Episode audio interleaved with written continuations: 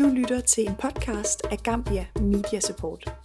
These journalists will hold the government accountable for their action and inaction, and in that way, you actually strengthening democracy.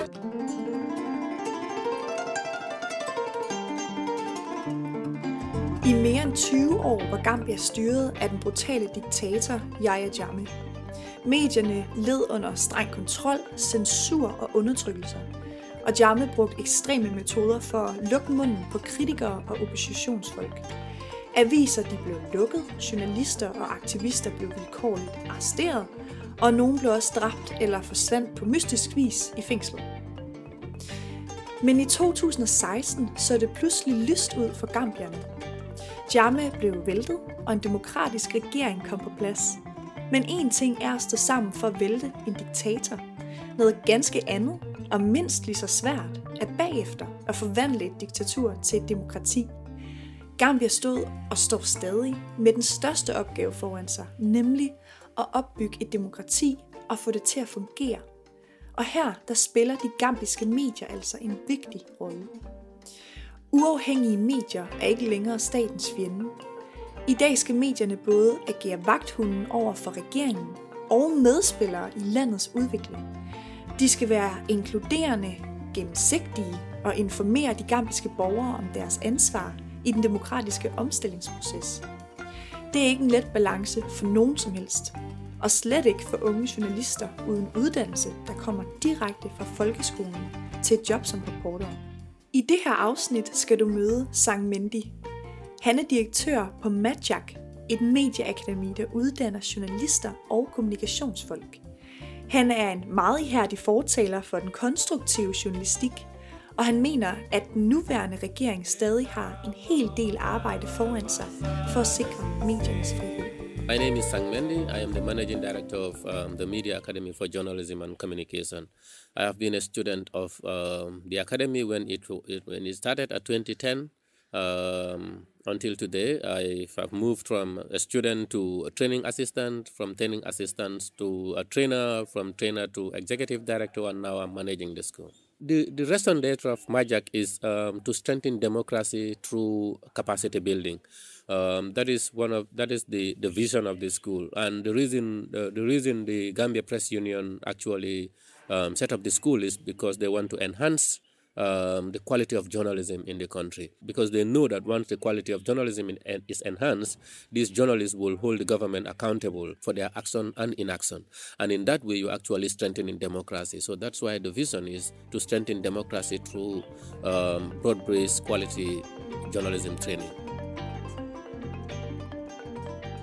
Medieakademiet Majak blev etableret i 2010 i samarbejde med fagforeningen Gambia Press Union og Games, eller Gambia Media Support. Og vi er en lille dansk organisation, der støtter journalister og medier i Gambia.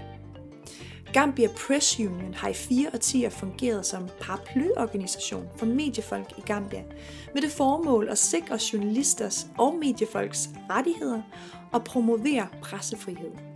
Det samme formål, som Games blev stiftet med i 2006, da samarbejdet med Gambia Press Union begyndte. Medier og journalister i Gambia pegede alle på, at det de havde allermest brug for, var uddannelse og træning. Det blev startskuddet til den første journalistuddannelse i Gambia, som i dag hedder Medieakademiet for Journalistik og Kommunikation, altså MAJAK. Nøgleordene for uddannelsen er kvalitetsjournalistik, kritisk tænkning og etik. Uddannelsen overholder UNESCO-standarderne for journalistisk uddannelse. Skolen er blevet et hit blandt unge, som gerne vil arbejde med journalistik og kommunikation, og den er i konstant vækst. Da den startede, der havde den bare et hold med 20 studerende, og i dag der har den 8 hold med 20 studerende på hver. Den øgede efterspørgsel på journalistuddannelsen kan have noget at gøre med, at medielandskabet er åbnet op, siden Jamme blev væltet. Mediernes rolle har siden ændret sig, og ifølge Sankt Mindy, så frygter forældre ikke længere for deres børns liv, når de læser til journalist. So um, before, uh, when Jamie was here, the role of the media was limited to to inform, probably to um, to, um, to educate and to entertain. Uh, but now the role of the media has gone beyond these three. um, is to they inform, they educate, they entertain, but they also um, help people to make informed choices. Um, so uh, in those days, it was a little difficult um, to have people even to register for a journalism program. Um, but now you can see at Majak here, we have over 150 students. Um, and even with that, we only limit ourselves to recruiting 20 at a time. Uh, if we had space and bigger bigger classrooms, we could every recruitment every four, every six months recruit more than 30 students because the atmosphere is, is a lot more friendly. Parents are no more worried that when their kids go into journalism, they will be abducted, they will be um, they will be killed, or they will disappear. There is no more those kind of worries. So the the, the, the media is actually playing these um, four cardinal roles now: to inform, to educate, to entertain, but on top of it all, to help people make informed choices.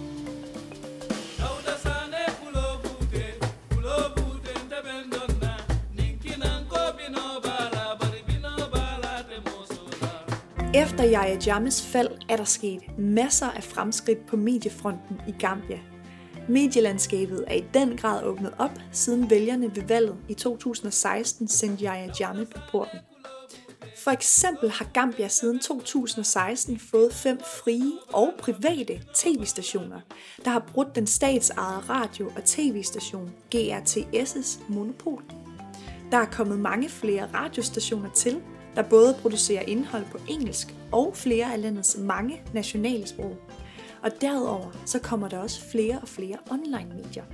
Siden James farvel har de gambiske medier gjort imponerende fremskridt. Journalister uden grænser måler pressefriheden rundt om i verden, og her befandt Gambia sig helt nede på en 145. plads under Jammeh. I dag er landet rykket op som nummer 50 i forhold til kriterier som censur, vold mod journalister, undertrykkende lovgivning og statslige mediemonopoler.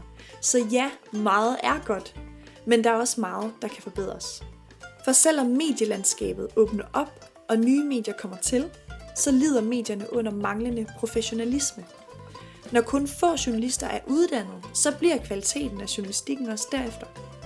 Det gør medierne sårbare, og dårlig journalistik hjælper heller ikke dem, der bruger medierne. Derfor er det, som Sang Mendi understreger, alt afgørende, at der er adgang til en god journalistuddannelse med høje standarder. Især efter en lang periode, hvor det har været farligt at lave kritisk journalistik.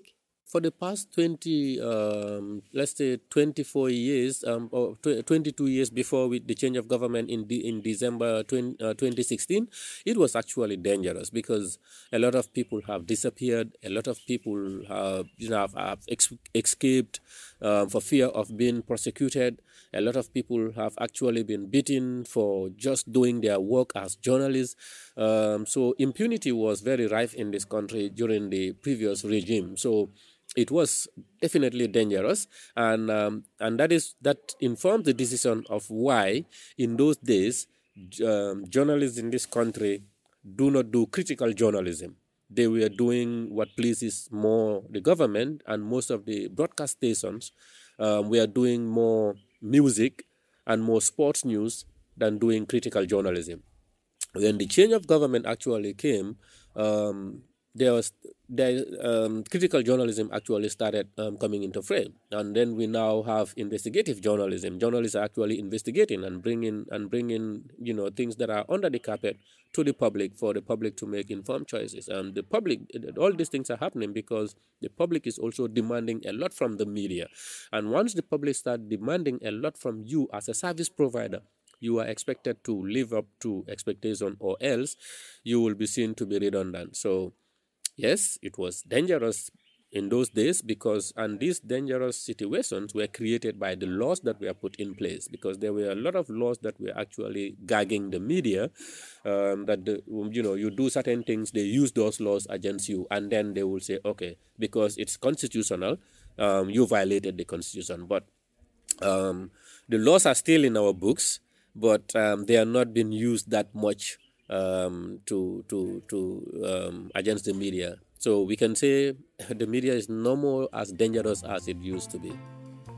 Adam Barrow blev valgt på løfter om at gøre op med årtiers undertrykkelse og at demokratisere landets forfatning og valglov. Men den koalition af syv partier, der var gået sammen om at vælte Jammeh, slog hurtigt sprækker. De havde aftalt, at Barrow højst skulle være præsident i tre år, og så give magten videre til en anden fra koalitionen. Men den aftale løb Barrow fra.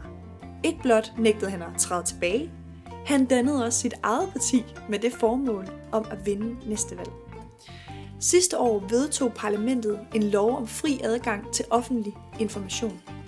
Det var et historisk øjeblik i et land, der for første gang anerkendte informationsfrihed som en menneskeret. Og Sang Mendi og Gambia Press Union kæmper nu for, at loven kommer til at virke, så journalister og borgere kan få adgang til offentlige dokumenter og referater fra møder. Og de kæmper for, at Barrow gennemfører de demokratiske reformer, han lovede, da han for første gang blev valgt som præsident i 2016.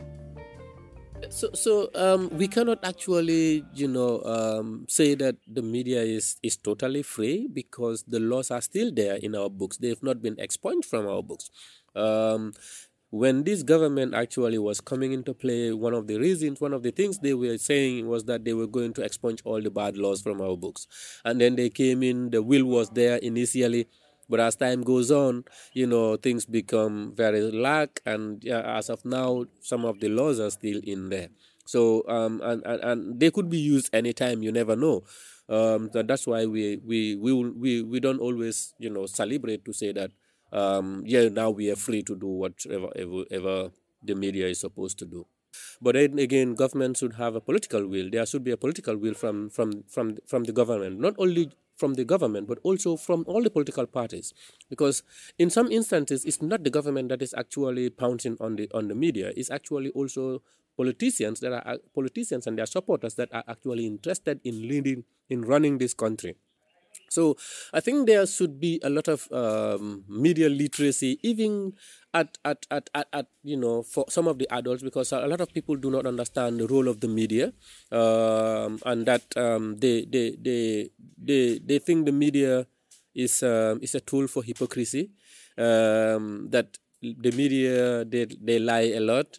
Um, so if people are thinking in that line, that means they do not understand the role of the media. So there, there, there is a need for a lot of media literacy, even not just for kids, but even for the adult people. So that will help change a lot of things in terms of um, freedom of expression. But it's also for the young, for the people in this country to take it upon themselves to understand that the constitution has actually guaranteed that we have, um, we are a democratic country that we are free to speak up our mind anytime we want to speak up our mind. It's for also the media to man up, to know that we are guaranteed by Section um, 208 or 207 and 208 of the Constitution of the Gambia to actually hold the government accountable for their action and inaction.